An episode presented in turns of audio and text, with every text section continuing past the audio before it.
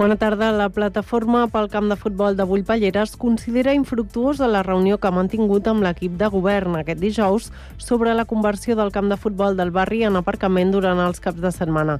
Segons ha explicat a Cugat Mèdia el portaveu de la plataforma, Marc Garcia, ni l'Ajuntament ha acceptat cap de les alternatives ni els afectats es conformen amb la negativa. Per la seva banda, l'equip de govern ha rebutjat fer declaracions al respecte.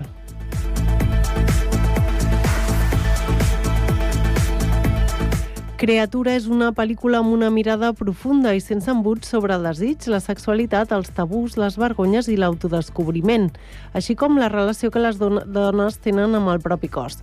El film, dirigit, coguionitzat i protagonitzat per Helena Martín, ha comptat amb l'assessorament de la psicòloga i terapeuta santcugatenca Berta Clavera, amb qui hem pogut parlar sobre com ha estat el procés de creació d'aquest film que ha captivat tant la crítica com el públic en general una cinta que, en paraules de Clavera, aborda l'escissió entre l'amor i la sexualitat. Pot recuperar l'entrevista completa a www.cugat.cat. El Departament d'Empresa i Treball ha decretat serveis mínims de fins al 85% en els serveis essencials per la vaga convocada el proper 8 de març pels sindicats CGT, IAC i intersindical CSC. L'aturada emmarcada en les reivindicacions del Dia Internacional de les Dones afecta els treballadors de l'administració pública i de la iniciativa privada.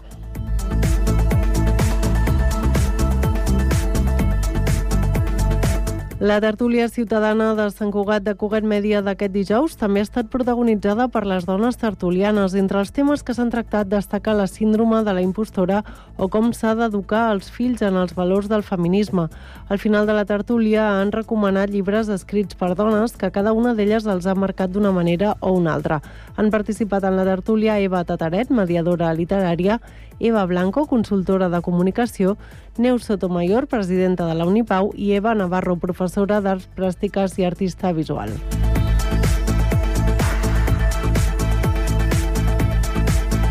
La Fira d'Atraccions de la Festa Major d'enguany, que se celebrarà del 27 al 30 de juny, s'instal·larà al Parc de la Pollengreda després de prop de 20 anys ubicada al Parc de Can Bernet, a Collfabà. Segons ha informat l'Ajuntament a través d'una nota de premsa, la nova ubicació es mantindrà també l'any vinent i transcorregut aquest període de dos anys es valorarà una ubicació itinerant. Cugat Mèdia, la informació de referència a Sant Cugat.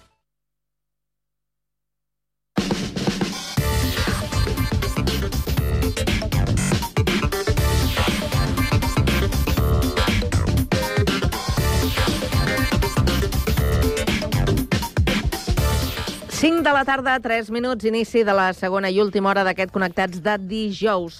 Anem amb la informació de servei. Mireia Camats, bona tarda. Hola, bona tarda. A hores d'ara destaquem l'autopista AP7. Hi ha dos quilòmetres de retenció a Castellet i la Gornala en sentit Tarragona per un accident amb dos camions i un turisme implicats que talla un carril en aquests moments. Per tant, demanem extrema la prudència en aquest tram.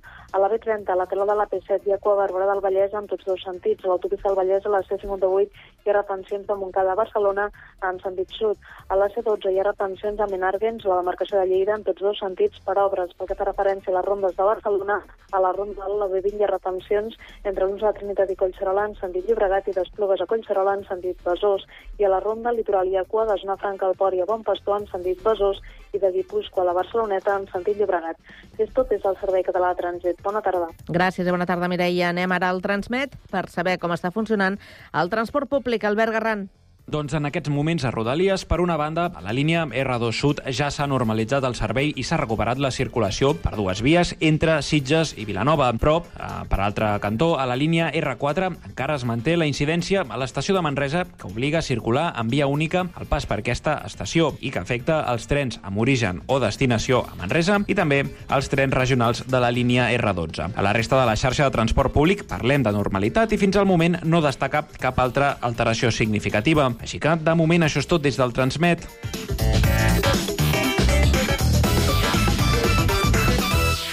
A la tarda, no et desconnectis. A la teva ràdio local, connectats. Can't touch this. Can't touch this.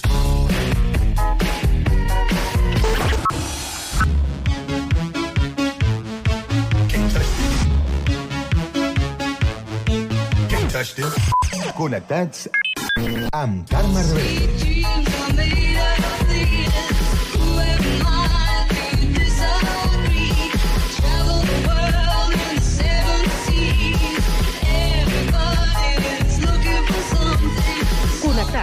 Una experiència radiofònica a Sabadell, Terrassa, Sant Cugat, El Prat, Castellà i Badalona.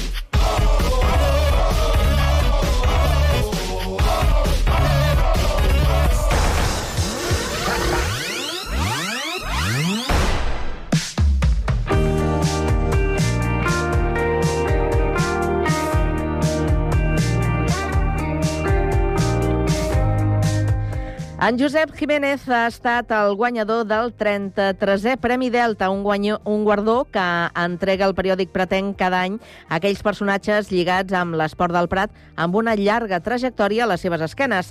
El Josep, als seus 75 anys, no només eh, realitza curses cada setmana, sinó que competeix en categories màster.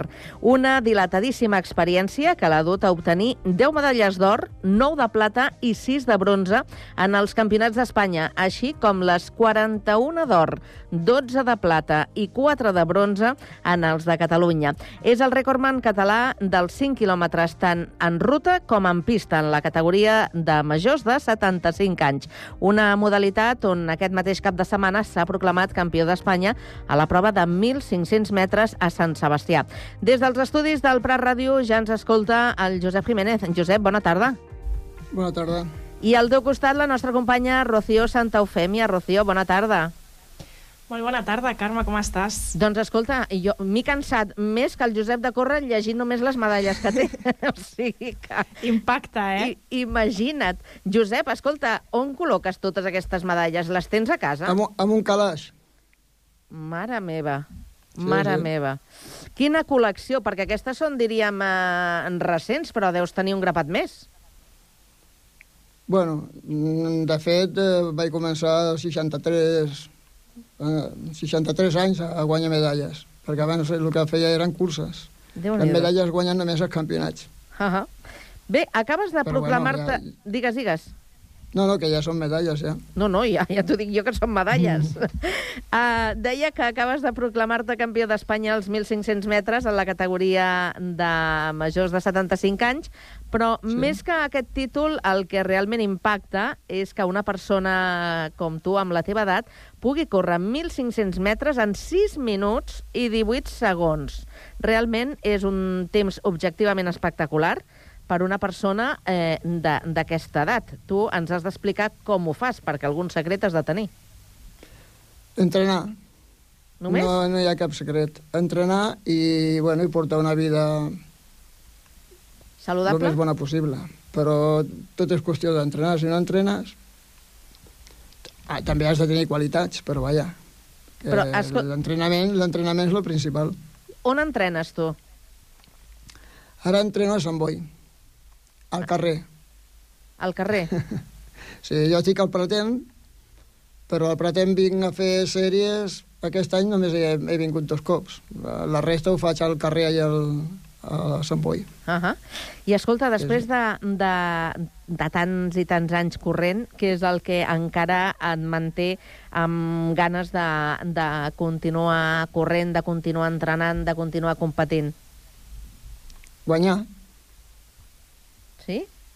Si no, si no penses en guanyar, pues és difícil de de- d'entrenar de, i anar a fer curses. Pots entrenar, però d'anar a curses mm, crec que no. Mm. De fet, hi ha molta gent que, que entrenen però no, no corren perquè eh, són molt grans i això costa molt. Clar, Carme, és que, de Mm. fet, el Josep no només entrena, que potser ens podem pensar que és que dedica tot el seu dia a entrenar. No és així, ell també treballa, vull dir, ell entrena, En- explica'ns això, perquè, clar, ell entrena en els forats que té lliures eh, durant la feina, no? Mm. Sí, sí, al migdia. Ara, ara m'entreno al migdia, perquè és, de, és a l'hivern, fa fred, llavors allà al Prat, ai, al Prat, al Sant Boi, Uh -huh. entreno allà, però abans entrenava aquí per les tardes. I això que entrenar aquí per les tardes a l'hivern és, uh, bueno, molt fotut. Però escolta'm una cosa, Josep, això que treballes, eh, a aquesta edat encara continues treballant? Sí, no, passa, jo tinc un taller. De què? Què fas? I calderer, caldereria, treballem per laboratoris. Mm. O sigui, tot el que sigui, tot el que es, qualsevol cosa que es pugui fer d'inoxidable, això ho fem nosaltres, més que res per, per laboratoris. Ja, ja. Però bueno, que, que tinc el taller aquest i l'horari és de 7, de 7 a 5, i- a 5 i mitja de la tarda, o sigui que... Clar, Carme, és que ara ens acabem de quedar sense cap Ja. excusa. Si ens quedava alguna de dir no, és que clar, la feina treu molt de temps, si No, no, no. podem dedicar-nos a... No, ja, ja, ja no, ja, Carme. Sí, sí. Uh, de fet, uh, Josep, no sé si Ganes. tu, quan eres més, més jove, t'imaginaves participant en curses i en, a campionats a la teva edat, perquè ens has comentat que les primeres medalles les vas començar a obtenir als 63 anys, o sigui, com... Perquè abans corria les curses d'aquí, bueno, d'aquí eh, i anava també por ahí, però eren les curses al carrer. Curses de pobles, de barris, les de Barcelona, Les populars. les populars, exacte. Uh -huh. I això pues, a mi m'agradava molt. A mi ha altres, no? Però bueno, abans anàvem a una cursa 350 persones i ara anem 30.000, o sigui. Però bueno, bàsicament és això. Com es gestiona tot això a nivell econòmic? Perquè és una part que potser no, no en parlem, però també tots els desplaçaments. Ara, per exemple, comentàvem lo d'aquest cap de setmana eh, a, o a Sant Sebastià, o com anar fins allà, això surt de tu? Tens algun suport? Com es gestiona econòmicament el Tu- fet de dedicar-se a això? Tu has de pagar tot. Tot. El club no paga res, absolutament. Si vols un pantaló, l'has de pagar també. O sigui que... I, bueno, bàsicament és anar fent una mica de guardiola i quan arriba per, per la cursa que tu vols anar i, i tenir aquests diners per anar-hi. Si no hi ha diners, doncs no vas, quedes a casa.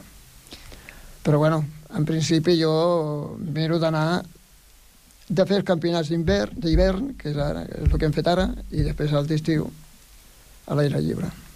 Però tu has de pagar tot. De fet, ara ens comentaves que abans s'apuntaven 300 persones a una cursa i ara són milers, perquè de fet hi ha com un boom, no? Sí, sí, Amb sí. això del running, ara sembla que tothom vol córrer o, o ho intenta. Um, no sé si tu, com a veterà, creus que eh, es valora suficientment uh, el fet de dedicar-se a això o hi ha gent que simplement ho fa com un hobby encara falta una mica de reconeixement, sobretot en el teu cas, en les categories màster o, o més veteranes de l'esport? Antigament, tota, la majoria de gent que corria feia uns temps que ara la majoria de, de gent que corre no ho fan. O sigui, la gent entrenava més perquè li agradava anar a córrer eh, i fer temps que arribar davant. Però ara això mm, no passa amb amb la resta de gent. I corren 500 persones, corren molt, i la resta van a córrer a córrer o a caminar no, És que no, No donen la talla, en- Josep, no donen la talla. I llavors han d'anar al, No, seu, no, al seu ritme. no, no, no, sí que hi ha gent que dona la talla el que passa és que és molt difícil de pensar que cada dia has d'anar a entrenar i has de fer uns temps Clar. i això és el que la gent no Mm. és, no vol no Ja, vol. ja, ja, ja. anar a fer footing, doncs sí hi ha molta gent que va fer footing però anar a entrenar per guanyar o per quedar davant Mm. no, I escolta, molt difícil. Josep, a banda de, de les competicions que abans comentàvem a la presentació, continues participant en curses populars o, encara, o, o ara ja sí, no? sí, sí, sí, sí. Sí? Clar, aquí Sí, sí, et deus... ara- Digues, digues. Aquest any he fet, he fet la dels bombers i he fet la de, la de Sant, el barri Sant Antoni, d'aquí de Barcelona. Bueno, el barri Sant Antoni perquè era també campionat de Catalunya de 10.000, Uh -huh. Ah. que també el vaig guanyar. I, el, i, el, i la dels bombers perquè el fem bastant sovint, no cada any, però... Ja, I però... la resta de curses que pues, també. fan. t'ho pregunto perquè, clar, en aquestes curses eh, populars normalment tots van barrejats. I, Sí, sí, i, sí, sí. i segur, segur que hi ha algun jove que quan veu que passes i l'avances i es queda enrere, no sé si et fa alguna mirada així una miqueta... I hi ha, n'hi ha molts, però jo ara també és veritat que, que amb els anys que tinc, amb una cursa d'aquestes normals, bueno, eh, la cursa dels bombers vaig arribar al 1.200 o no sé què. Però clar, perquè hi ha moltíssima gent. I a més, jo no em poso com abans. Abans em posava davant. Uh -huh. I- La línia, la i- línia de sortida. D'aquí surto. I escol- Ara no, ara i- em poso a la, a la cua. I tens Entre altres alguna... coses perquè Digues. Que entre altres coses perquè hi ha marques, ja no deixen córrer a les curses si no tens una marca. I posen, posen calaixos amb les marques que té, que té cadascun perquè no, perquè no hi hagi aquest cacau. Uh -huh. I clar, les marques que jo tinc ara de, de gran no tenen res a veure amb, amb el jovent. Has d'anar al segon calaix o al tercer. No, jo normalment corro al segon, perquè la marca que tinc encara és bastant bona. Home, i tant. Sí, sí. Sí. I alguna anècdota tens eh, per compartir? Eh, que alguna situació que, que hagis viscut en una d'aquestes eh, curses eh, populars que recordis? La primera paraula no l'he entès. A a- anècdota, alguna anècdota? Anècdotes, bueno, anècdotes n'hi ha molt, però ara que jo recordi... No et passa cap bueno, al cap, a, ara? a, la, cu- a, la, a, la, a, la, a la mitja marató de Sitges, que l'he fet un crepat de vegades, vam sortir, feia un dia esplèndid, amb molt de fred, de cop i volta va començar a venir un núvol que no vegis, va començar a nevar i es vam passar la meitat de la cursa nevant, Ostres. però nevant, eh? I Nevant. ara diré una altra cosa que, si m'escolten, diran, mira... Eh, vam arribar a la... vam acabar la cursa i vam anar a buscar el cotxe. I el cotxe que hi havia davant del meu hi havia dos nanes, dos Mhm. noies. I una es va girar i em va dir, escolti'm, pots treure'm el sostenidor? Hòstia. perquè estava glaçada, igual que la meva filla. La meva filla estava... La meva filla també corre. Estava glaçada completament, és que, no, és que no, les mans no, no servien. I jo li vaig treure, jo... Com, com vaig poder, perquè, perquè estava congelat completament. Va, va ser un dia de molt de fred, molt de fred. Mare És meva. una anècdota molt, molt patidora. Però bueno, Bueno, això ja, ja fa alguns anys que, que ha passat, Sí. perquè ara fred no en fa gaire. no, no, això fa... Igual fa... I neu, Carme, ja, ja et dic. Igual fa 20 anys, això, sí, per aquí, aquesta per, aquí, cursa. per aquí ja fa temps que no la veiem, la neu. Sí, sí. Sí, sí, sí. No. Mira, jo crec que ara trigaré no en veure-la. eh. Com es gestionen les baixes temperatures en aquest cas? Perquè, bueno, les altes també, no? Però uh, les temperatures extremes en, en competició o en una carrera popular, vull dir, quan estàs és, corrent... és molt fotut. A Roda de Ter vaig córrer una jo, que estava amb 8 graus sota zero, a Roda de Ter, que dona la volta per Roda de Ter, Manlleu, Vic i a Roda de Ter, 21 quilòmetres, i quan arribes al quilòmetre 7, diu, que vinguin a buscar-me, perquè, perquè és impossible de córrer. Però bueno, corres. Sí, sí. I fa bon temps. O sigui que... Però sí, sí, és molt difícil de... Quan hi ha molt de fred és molt difícil. Jo corro, jo corro millor quan fa calor. Quan fa realment calor, jo corro molt més millor que no pas quan fa fred. Ara que et preguntava la Carme, no? quina és la teva motivació, tu deies guanyar. Però també, no sé si és un repte personal el fet Sí. de, al pas del temps, tu, un repte amb tu mateix de, de poder guanyar aquest, aquest pas del temps, no? I de dir, tot i que sí, estigui passant el temps, jo lluito contra mi mateix i contra les meves pròpies marques. Sí, és que si, si no lluites... Mmm, jo, mira, moltes vegades penso que si em jubilés ara, què foto jo a casa? Perquè que entrenar, entrenes hora i mitja, posa dues hores. Però i el resto del dia? Res. Em mores a casa. No. I ara que comentàvem no, que estàs ara mateix a les categories de més de 75 anys, però també a Espanya i a la categoria de més de 85, tu ara mateix uh, t'hi veus? Uh, Bueno, de, Competint? de moment sí, mira, el, el, el diumenge va córrer un, un de 85 anys. uh -huh. un, de, vuit- un de 80 i un de 85. I a més, i aquí hi havia un de Barcelona, que aquest tenia 96 anys i encara anava. L'últ- L'última vegada el- me'l vaig trobar a, a Màlaga Uh -huh. i el tio tenia 96 anys i anava amb un altre que tenia 92 Això sí i que van té... morir tots dos en un any. Ostres, té, Uau. té, té fa- molt mèrit, eh, això? Sí, sí, sí, sí, sí, molt mèrit. I a més, eh, el veus allà i dius, hòstia, eh, que aquesta gent estiguin aquí i que a més que hi ha un fotimer de gent perquè als, als estadis igual van 1.200 persones, eh? Tot el dia. Uh -huh. Sí, sí, sí. sí. Sí, eh, eh, també és veritat que aquí, que aquí a, a Sant Sebastià el diumenge hi havia quatre gats. sí, això depèn. Quatre gats vull dir que potser hi havia, jo què sé, 500, per dir alguna cosa. Però a, en Eh. general, Josep, en aquesta categoria màster, eh, hi, hi ha, creus que hi ha molta gent competint? No, no, no, No. no. En, en, en, cada categoria em sembla que el màxim que hi ha són com unes 20 persones.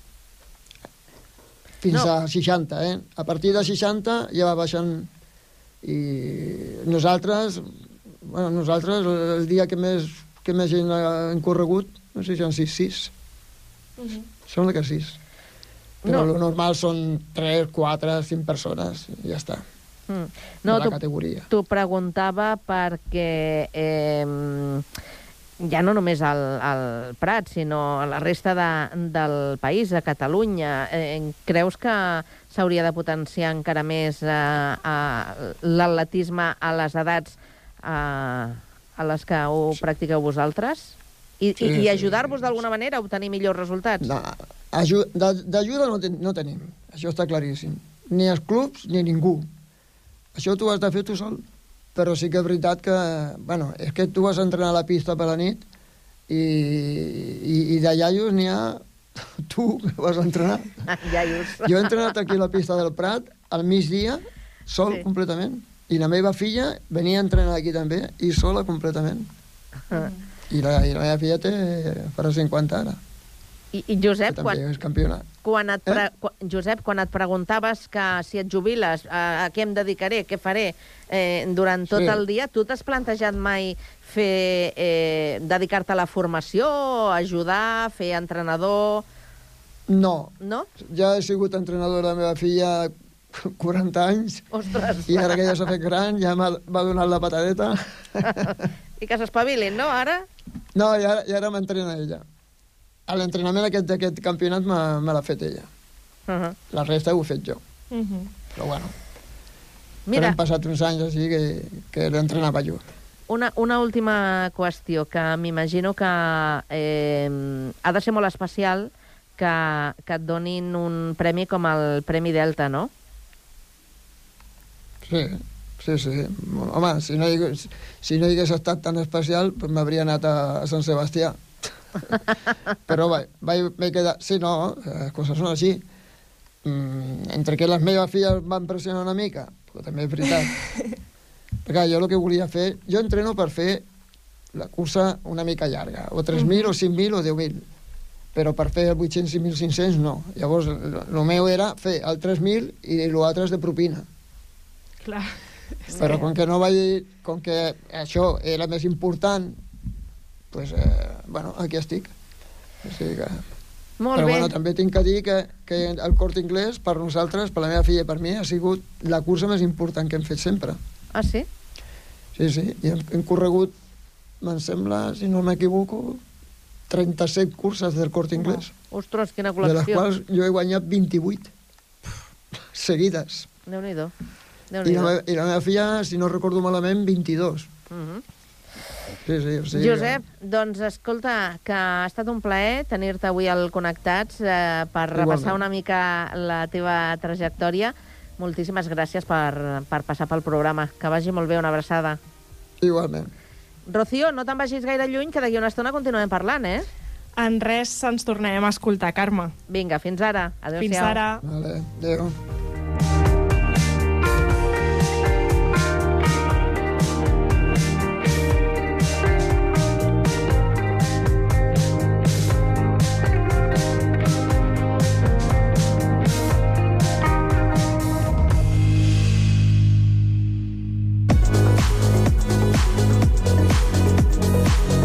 Tarda, de 4 a 6, Connectats. Una experiència radiofònica a Sabadell, Terrassa, Sant Cugat, Castellà, El Prat i Badalona.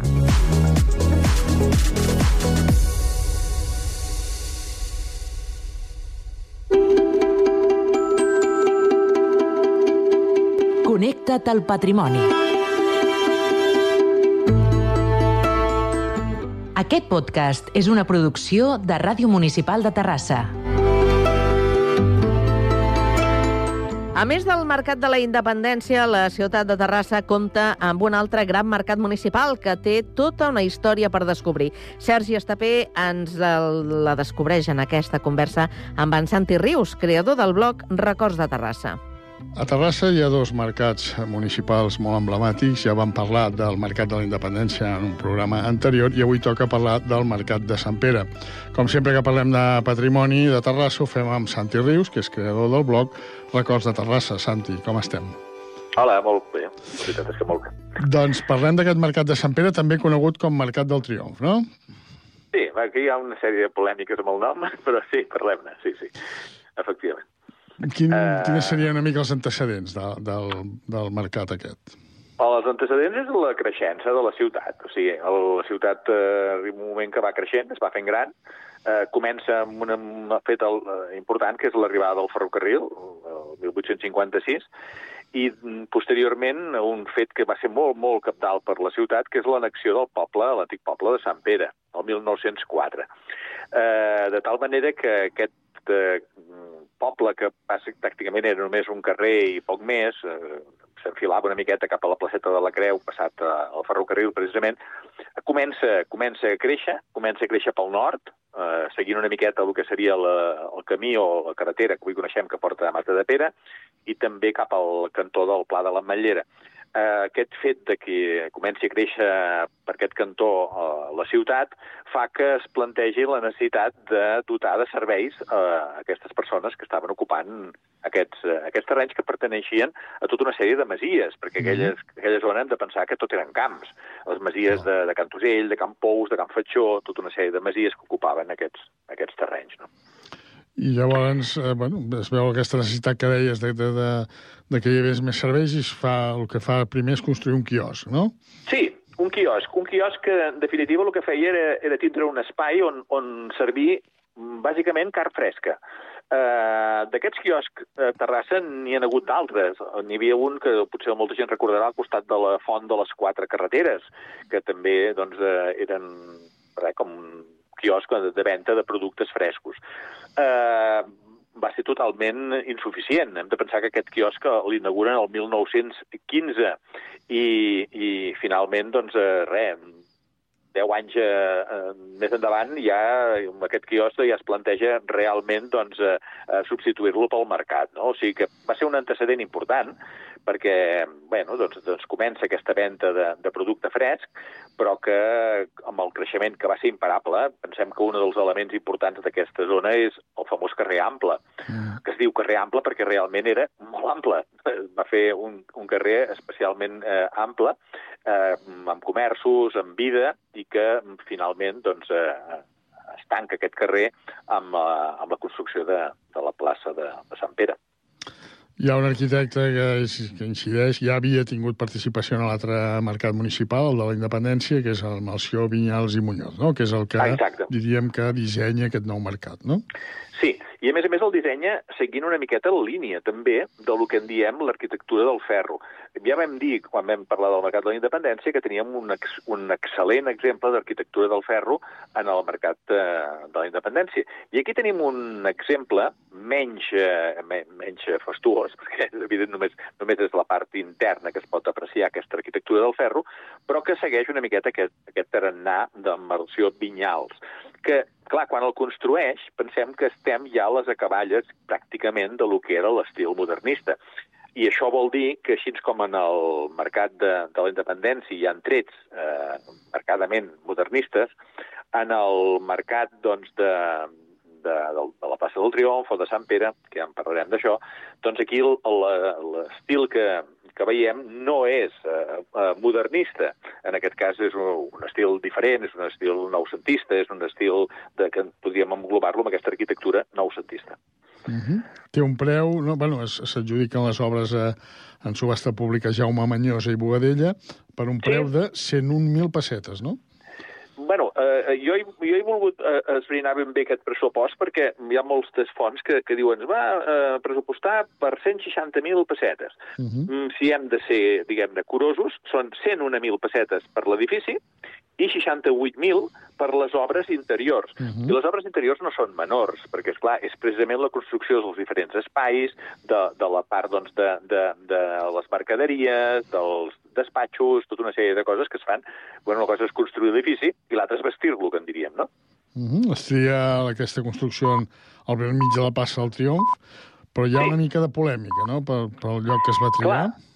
Clar, bueno, més que res perquè a l'època, si llegim els diaris de l'època, quan es diu que es construirà en aquest espai, hem de pensar que en aquell moment aquest espai era un camp, eh, i, i es deia plaça del Triomf. El fet de construir el mercat de Sant Pere a la plaça del, a plaça del Triomf, justament d'entrada li dona aquest nom de plaça del Triomf que d'inici no té. O sigui, aquesta plaça es coneix com a la plaça de Sant Pere o la plaça de Dalt. Però la plaça del Triomf li, don, li donen després ho veurem per un altre motiu, primer perquè està ubicat a la plaça, justament, que li van posar el nom del Triomf. No? Uh -huh. Posteriorment, hi ha un altre fet que també li acaba de donar el nom de plaça, ai, de, de Mercat del Triomf. Uh, clar, la gent d'aquella època, el fet de construir un mercat, hem de pensar que era gran, aquest mercat, eh? I encara és gran, el que passa és que, mm, si ho comparem en, en els seus inicis, és, és menys de la meitat del que era, des del uh -huh. punt de vista de parades, eh? Però aquest mercat, la gent diu, però, però, però s'han tornat bojos de fer aquest mercat tan gran en un lloc on no hi passa gent, on encara no hi ha una gran barriada, eh, aquest mercat s'enfonsarà, aquest mercat no té futur, i demanen a veure si en comptes de fer-lo allà, fer-lo en el carrer del Nord, perquè el carrer del Nord en aquell moment té molta gent que ve dels ferrocarrils del Nord, hem de pensar que, que el fet de que... La, un dia en parlarem, del, de, si per cas, de l'edifici del, dels ferrocarrils del nord, perquè no és que es digués el tren del nord perquè estigués al nord de Terrassa, sinó perquè els ferrocarrils, que en aquell moment, que no eren la Renfe, eren los ferrocarriles del norte. Uh -huh. I això és el que li dona el nom de l'estació del nord, els ferrocarrils del nord. Bé, doncs, a, aquests ferrocarrils, que és on baixaven totes les mercaderies, tota la gent que venia doncs, a comprar en les fàbriques i en els diferents llocs, eh, tenien molta vida. I deien, home, doncs, si hem de construir una plaça, construïm-la al costat del, del, del carrer del nord, que, que tindrà molta més vida. Eh, bé, per sort no ho van fer-ho, i ho van fer-ho en el lloc on està, i evidentment va donar molta vida en aquesta, aquest eixample de, de la ciutat de Terrassa. S'inaugura un 7 de desembre de 1928 amb bueno, tota la parafernàlia, totes les autoritats, etc. no? Aquest, aquest, aquest punt és, eh, és molt important, perquè avui desvetllarem un error històric. Ah. I és que, sí, i és un error que figura tot arreu, a la Wikipedia, en el blog del, de, de, del que ens va deixar del... Refer, de, del Joaquim. sí, del, del, del, del, del Verdaguer. Sí, eh, a tot arreu figura que es va inaugurar el dia 8 de desembre del 1928. I, de fet, quan van celebrar el 50è aniversari, el van celebrar el 8 de desembre de 1978. -huh. O sigui, seguint aquesta, diguem-ne, data que figura tot arreu.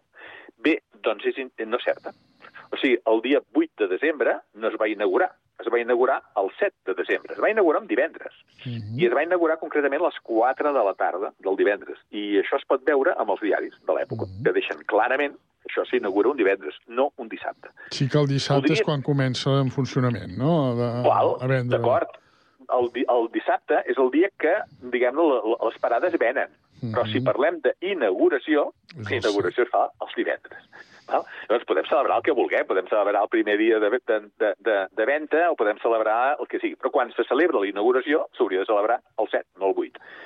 Uh, I és una, és una inauguració que en aquell moment mm, bueno, se li dona importància, es fa, es fa, es fa una, diguem-ne, una, una reunió de les autoritats de la ciutat, a l'Ajuntament, es puja amb cotxe fins al nou mercat, es fa la, la, la, la, la benedicció, que en aquest cas doncs, ho fa el prior, el prior de, de, de la del que seria el Sant Esprit, que era en Josep Molera, i després també hi participa per Sant Pere el rector de Sant Pere, que era en Josep Oms, que el recordarem aquest cognom per la plaça de mossèn Oms. Quan parlem de mossèn Oms és aquest, aquest senyor Josep Oms, que fan aquesta benedicció. I l'alcalde que en aquell moment hi havia, que era en Josep Ullés i Jové. Anem, uh... anem a la polèmica del nom, que és... Eh, bueno, polèmica, aviam. Sí, jo jo t'haig de dir que, que sempre l'havia conegut com a Mercat del Triomf, eh? Fa, fa pocs anys que, que sé que és el Mercat de Sant Pere. Sí, a veure, d'inici, evidentment, és el mercat de Sant Pere, claríssimament. La gent, com que l'han ubicat a la plaça del Triomf, algunes persones li diuen el mercat de la plaça del Triomf, amb la qual li diuen també el mercat del Triomf. Això seria l'inici. Després, hi ha una curiositat, i és que perd el nom del mercat del Triomf, passa a dir-se el mercat de Sant Pere, però el 1934, l'alcalde que en aquell moment hi havia a Terrassa, que es deia Samuel Morera i Ribes, decideix canviar-li el mercat de Sant Pere al mercat del Triomf. I dius, bueno, vale, per la plaça del Triomf. Doncs no. Aquesta vegada li posen el nom de Mercat del Triomf per referència al triomf electoral de les esquerres del 1931. O sigui, que aquí embolica que fa fort. Sí. Aquests s'emporten el nom del triomf per dir eh, que vam guanyar nosaltres, que vam guanyar les esquerres i per això li posem el Mercat del Triomf. Finalment, davant de tot aquest lío, eh, fa pocs anys es va decidir posar-li el nom de Mercat de Sant Pere. I ara, actualment, es diu Mercat de Sant Pere. També se l'havia conegut per altres noms, no, Santi? Bueno, sí, però aquest és un tema popular típic de Terrassa que eh, acostumem a dir a dalt i a baix. No? Eh, diem el mercat de dalt i el mercat de baix, per, per referenciar-se que un està a dalt de la ciutat, al nord, i l'altre està al sud. També pensem que això s'ha fet servir moltes vegades. El tren de baix, referint-se als catalans, o el tren de dalt, o el del nord, per referir-se al de la Renfe. O sigui, el fet de dalt i a baix també és una, una cosa que fem servir molt a la nostra ciutat. Uh -huh. L'edifici és una, és una, no és com el del Mercat de la Independència, que té més naus, no. és una sola nau, no? Amb... Sí, sí, separada, separada per la part del peix, de la part, diguem-ne, de producte doncs, de carn o de, de llegums o tot plegat, més que res per la temperatura. O sigui, hi ha una, hi ha una petita eh, separació que fa que la temperatura d'un espai de l'altre pugui ser diferent.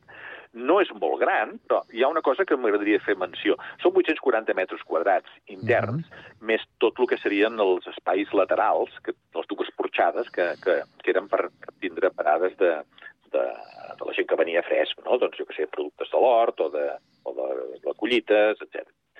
Uh, Fixem-nos en una cosa, anem-en enrere. Això s'inaugura el 1928. Eh, tres anys després, que podríem dir que està consolidat la, la venda de productes al mercat de, de Sant Pere, trobem exactament 71 parades dins de l'edifici Uh -huh. i 63 al voltant. Déu-n'hi-do. O sigui, un total de 134 parades, 1931. Si anem a ara, actualment, ens trobem amb 40 parades a dintre, o sigui, 31 menys, i 10 parades a l'exterior, 53 menys a fora.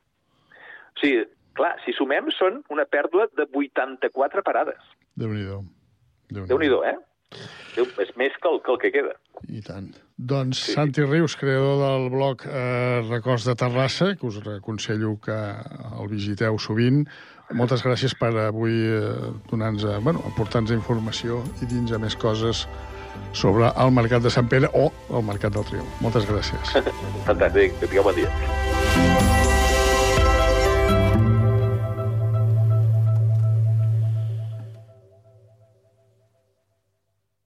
Hola, bona tarda, soc Núria Codina i el meu referent com a dona és la meva germana Marta, a qui estimo i admiro moltíssim.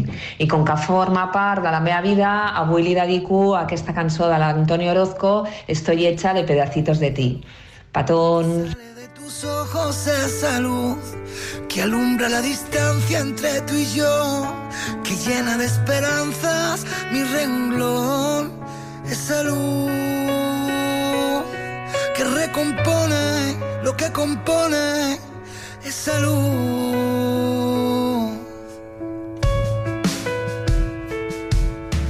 Fue tu abrazo añil el que pinta con caricias el candil que alumbra cada nota de mi voz, mimando con susurros el temblor de este amor que se desboca si lo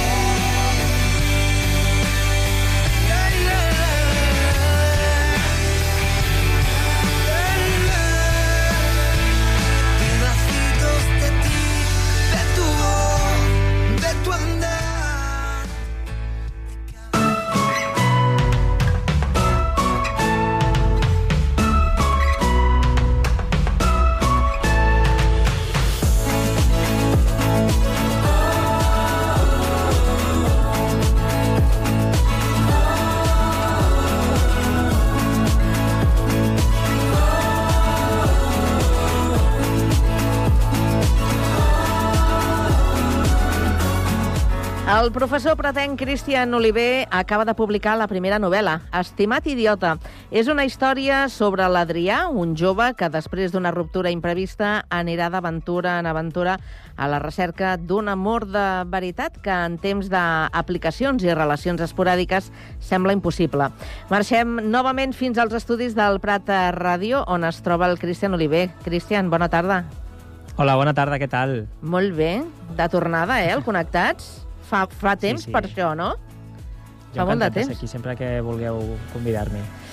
Bé, doncs avui parlarem de la teva primera novel·la, però deixa'm que saludi també a la Rocío Santa Eufèmia, que la tornem a tenir amb nosaltres. Rocío, bé, no? Tot en ordre? Jo, jo no m'he mogut ni de l'estudi, Carme, esperant-vos, fixa't. Jo pensava que havies anat a fer, no sé, uns metres, no?, per, per escalfar, per entrar... Una volta a la ràdio corrent per intentar començar a entrenar com en Josep. És que no m'ha Ostres. donat ni temps. O Ai, sigui... ja, ja, excuses, ja ho dèiem, excuses, si és que no, Sí, no ho sí, fem sí. perquè no volem, però vaja. Ara parlem d'aquesta primera novel·la del Christian Estimat Idiota, que podria ser l'inici d'una carta. A qui, va, a qui va dirigida? Doncs és una pregunta interessant, perquè quan, quan em diuen qui és l'idiota, doncs jo a vegades penso si és el lector, si és un dels protagonistes, o si ho sóc jo mateix, no?, l'autor. Jo, jo crec que, que he intentat escriure una novel·la que, que pugui eh, servir perquè qualsevol lector eh, independentment de moltes coses, s'hi pugui identificar. Clar. I, per tant, tots en, alguna, en algun moment de les nostres vides hem sigut una mica idiotes, hem sigut una mica romàntics i potser també som una mica supervivents. Ja, ja, ja. El llibre, a més, eh, assenyales que amb tanta modernitat s'han perdut els vells costums, el romanticisme, les relacions més convencionals... Eh, diries que estan en perill d'extinció? Jo crec que, Sí? jo crec que estem en, un, en, estem en un moment on ser romàntic eh, és revolucionari. O sigui, crec que, que ara s'aposta més per, per allunyar-nos d'aquesta idea del romanticisme. Crec que fins i tot arriba un moment que, que quan tu dius que, que doncs és una persona enamoradissa o el que sigui, algú et mira malament, no? I, ostres, jo he volgut fer una novel·la on reivindico això perquè al final totes les posicions són possibles, totes poden conviure sense prejudicis, sense, mm. sense que ningú se senti doncs, mal mirat, no? i per tant, doncs, al final no deixa de ser una reivindicació de que si vulgui sentir un enamoradís empedernic, que ho pugui ser. Clar. De fet, Cristian, tu assegures que no és una novel·la autobiogràfica, tot i que sí que hi ha ele- elements d'inspiració, no?, al final. Sí, jo crec que és impossible allunyar-nos del que vivim, no? del, del que sentim.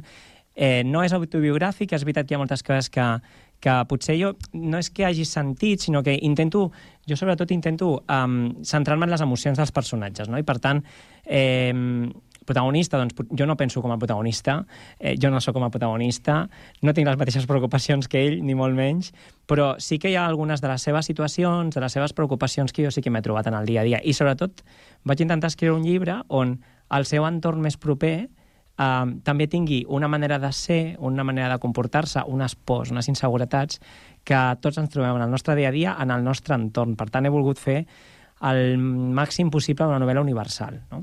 De fet, tu mateix dius el terme no, de novel·la d'autoficció, no? Sí. En algun moment de, del llibre, de fet, quan tractem temes com aquests, amb qualsevol dels personatges ens podem sentir representats i perquè tots, tu deies, tots hem sigut idiotes en moltes situacions, uh, sobretot quan hi ha emocions de, de pel mig, i al final això també enganxa, no? El fet de que amb un personatge o amb un altre tu pots recordar algun moment Mm. de la teva vida, sigui actual o no. Sí, i a més, jo he volgut intentar... O sigui, la meva intenció ha sigut, encara que sigui una novel·la romàntica o comèdia romàntica, eh, no tot el romanticisme val, més que res, eh, no val aquell que ens afecta, uh Mhm. -huh. aquell que, que potser doncs, ens desperta la pitjor part de nosaltres, aquesta dependència, aquesta felicitat només si la puc compartir amb una persona al costat.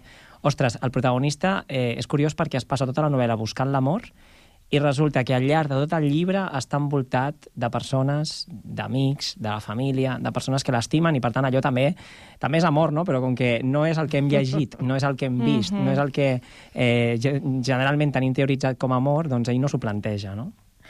Cristian, com és que t'ha- t'ha- t'has atrevit a, amb aquesta primera novel·la després de- de- d'haver publicat Profes rebels, el repte d'educar a partir de la realitat dels joves i una educació rebel, el poder de transformar la societat. Tenies ganes de, de, de provar una cosa diferent? Sí, de fet, eh, els pobres editors estan fats de mi perquè jo des del primer dia, des de Profe Rebels, que va ser el primer llibre eh, més centrat en educació i tal, jo li vaig dir, jo els hi vaig dir que, bueno, comencem amb això, però jo vull escriure una novel·la, jo vull centrar-me en la ficció, que és el que a mi m'apassiona. A mi m'agrada, és veritat que ja em van deixar jugar molt amb Profe Rebels, amb un estil que també jugava molt la, la part literària, no? la, intentar reflectir un, un dia a dia a les aules i a partir Mm. d'aquí reflexions, però això estava parlat, eh, ells m'havien donat la paraula que algun dia arribaria i la veritat és que els hi he d'agrair perquè a més a més m'han deixat, la no- deixat fer la novel·la que jo m'havia imaginat amb la llibertat que jo volia i amb la poca vergonya que, que jo volia que, que, que fos. Per tant, de veritat que es, estic molt, molt content. O sigui que t'has tret de sobre el corser.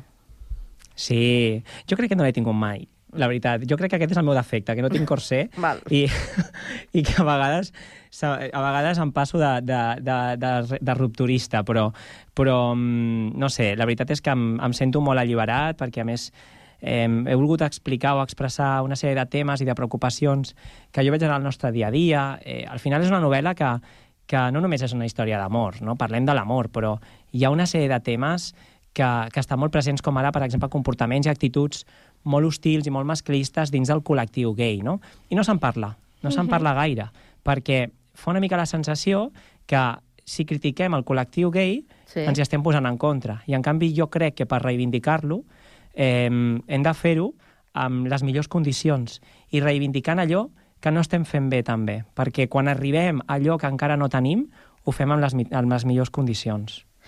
Eh, aquest pot ser un exemple de, de suposo, de, de moltes altres coses que ens pot ensenyar aquest llibre, Estimat idiota, no? Sí, sí, sí. Al final jo he volgut eh, doncs expressar... Algú, algú em diu que, que amb aquesta novel·la li ha servit per apropar-se al que és una, un dia a dia eh, d'un noi gay, no? I sembla que, vull dir, jo no voldria fer la categoria de literatura LGTB perquè no, no, no m'agrada gens i crec que no ens ajuda, no ens beneficia. Mm. Però és veritat que hi ha una sèrie de comportaments, una sèrie de, de protocols, no sé com dir-ho, de fins i tot de com ens relacionem entre nosaltres a través de quines aplicacions ens coneixem nosaltres, que tenen també uns codis i que són molt criticables en molts casos i que eh, una persona que no ho conegui pugui doncs, apropar-s'hi, descobrir-ho i fer-se també una idea, no? I jo he volgut fer-ho amb l'humor, amb la brometa i amb la brometa, però, però sent molt, molt contundent amb algunes, amb algunes qüestions que, que jo trobo que s'han de parlar i que a vegades no ho fem per, per cosa, no? per por. Mm. Han estat dos anys eh, intensos de, de feina.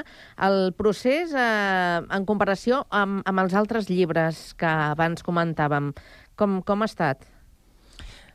Clar, aquest, aquest és... O sigui, escriure ficció és uh, radicalment diferent que escriure assaig.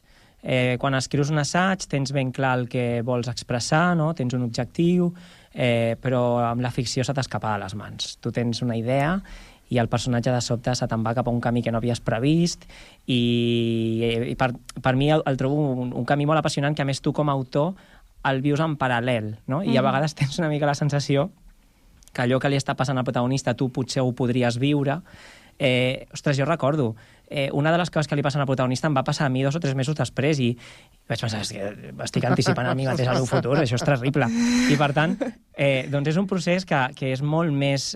Vaja, el trobo, el trobo molt apassionant i sobretot perquè hi ha una part de tu que deixes allà, no?, que et serveix gairebé de forma terapèutica, que, mm, que ostres, doncs, si almenys també també li pot servir a un lector, no? doncs eh, és, és molt agraït. De fet, ara, ara deies, no, això, de forma terapèutica, precisament, mm. destacant alguns dels elements d'aquesta novel·la, tu ens comentaves, no? vull tractar temes, volia tractar un, mm, temes del dia a dia que eh, ens arriben a tothom, i al final, un d'aquests temes també és precisament anar a teràpia. Uh -huh. El protagonista va, torna... Sí. No sé si també és molt important, eh, en el teu cas, a través d'aquest llibre, visibilitzar la importància o com ens pot ajudar a anar a teràpia, que precisament, tot i que ara cada cop Mm. se'n parla més, Sí. és un tema que encara costa molt, no? I, i també reflectir-ho a través de la teva novel·la, uau, que, que important és, un, no? És un tema que encara té molts estigmes, no? i encara fa una mica de cosa fins i tot. Jo que sóc docent, a vegades quan dic que, que he anat a teràpia, algun alumne que encara em mira com dient ui, el profe està boig. Dic, no, és que, a veure, eh, de veritat, és una necessitat, és una ajuda, és una eina, no? I, i en la novel·la sí que el protagonista, hi ha una broma recurrent que ell està tota l'estona explicant que ell quan anava a teràpia la psicòloga li va dir això i que l'endemà va deixar d'anar a teràpia, no? I aleshores és una broma recurrent com dient no em va servir de res i per això la vaig deixar, però te n'adones al llarg del llibre que totes les coses que li va ensenyar la, la psicòloga li estan servint d'alguna forma, són eines, no? I per tant, no, no deixa de ser, doncs, en broma també, però una forma d'introduir un tema molt interessant, molt important, que és la teràpia, quan no estem bé, eh, que no podem fer-ho sols, no? I podem tenir un coixí de gent al voltant, però també ens calen eines per, per poder tirar endavant i no, i no hi ha cap mena de problema. I en aquest sentit també un altre dels temes que tracta uh, bueno, a través del personatge és una mica aquesta obsessió pel físic. Uh -huh. També és un problema uh -huh. que afecta moltíssimes persones, no? Uh, I aquí també es veu uh, reflectit, no? Com ell intenta fer massa esport o no cuidar massa la seva alimentació per aconseguir veure's bé. Sí, aquí també té molt a veure amb eh, la pressió social i la pressió per eh, tenir un cos que compleixi amb els estàndards que, que es demana, a més a més, sent noi, vivint a Barcelona i, a més a més, complint amb un codi de cos concret, no? I això desperta moltes inseguretats i fa molt mal a l'autoestima i, i vaig voler tractar el tema de, de, dels problemes alimentaris perquè crec que no he llegit gaire literatura des d'una visió masculina. L'he llegida molt des d'una visió adolescent uh -huh. i femenina, però no l'he llegida gaire des d'una visió adulta i masculina.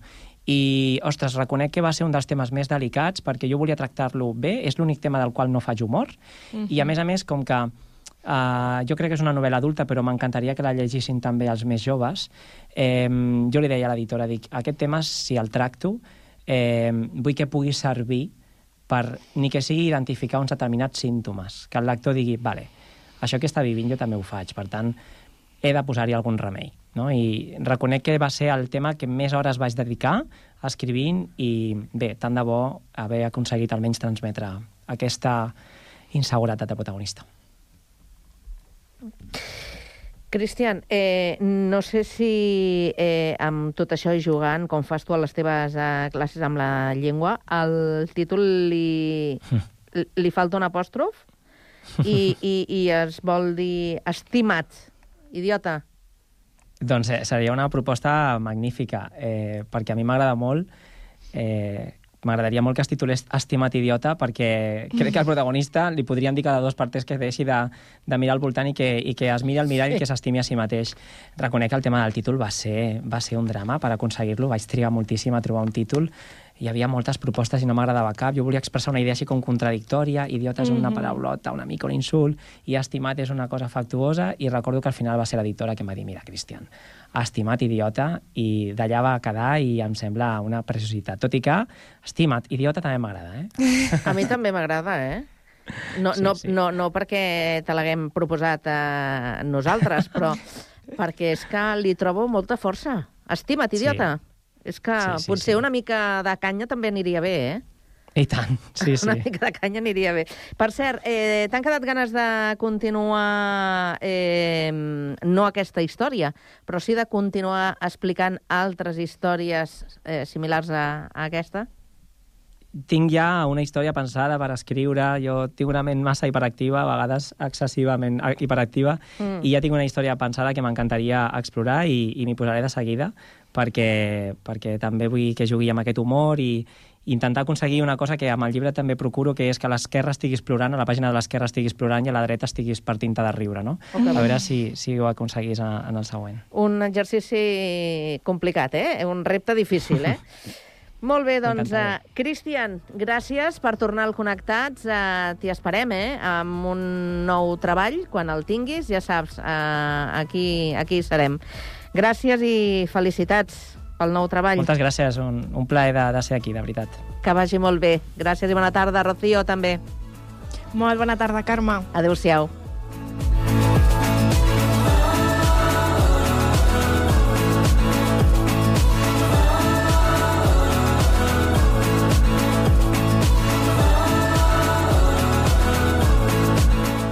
Bé, doncs fins aquí arriba aquest Connectats de dijous. Ja sabeu que demà tancarem una nova setmana amb la versió de divendres del Connectat. Serà a partir de les 4 i 3 minuts. Fins aleshores, acaba de passar molt bona tarda. Adéu-siau.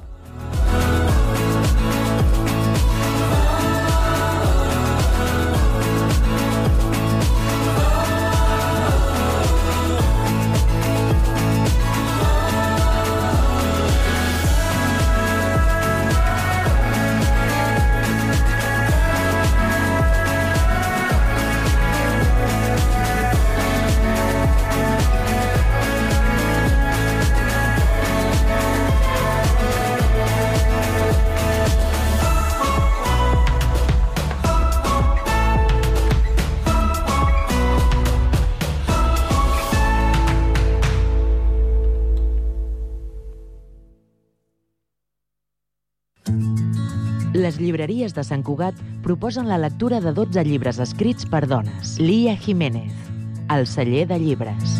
Doncs avui començarem amb una recomanació d'aquí del poble, d'una santcugatenca que vam optar fa ja uns anys, però que és la Laia Vilaseca, amb aquesta novel·la de investigació, suspens... Hi ha moltes cosetes. Si us agrada la novel·la negra, jo us diria que proveu. La isla del silencio, Laia Vilaseca. Però si potser volem alguna coseta una mica més suau, amb un puntet més romàntic, jo us recomanaria a la Tamara Marín amb aquest llibre, Arriba a les manos, Tamara Martín. que és una meravella, però sobretot per les romàntiques, aquest. Sí que té una molt bona investigació, però de veritat, us enganxareu. I ja amb un altre punt, si us agrada el romanç, segur que n'heu sentit a parlar, que estem parlant d'aquesta saga, que és l'Empirio, que està tant en català com en castellà, i ha sortit ja el segon. Hi ha hagut molta polèmica, però de veritat, és en fantasia, té romans... Doneu-li un, un tastet. Alas de sangre, Alas de hierro, de Rebeca Yarros. 12 llibres d'escriptores per a tots els gustos i edats que no et pots perdre. Les llibreries de Sant Cugat i Cugat Mèdia proposen la lectura de 12 llibres escrits per dones.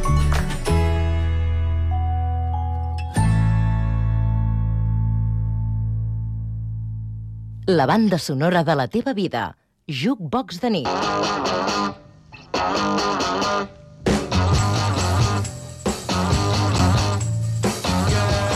You really got me going. You got me so I don't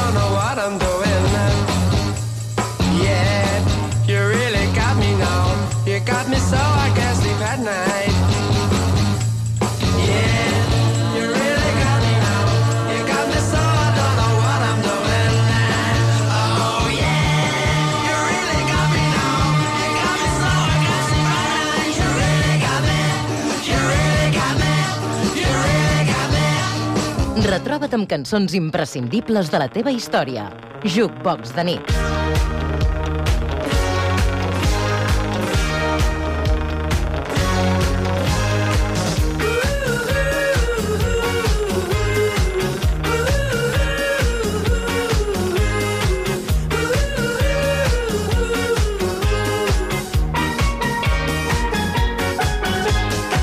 Fes la teva elecció a Jukebox de nit.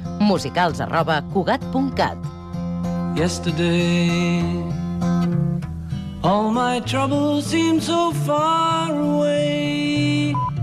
Now it looks as though they're here to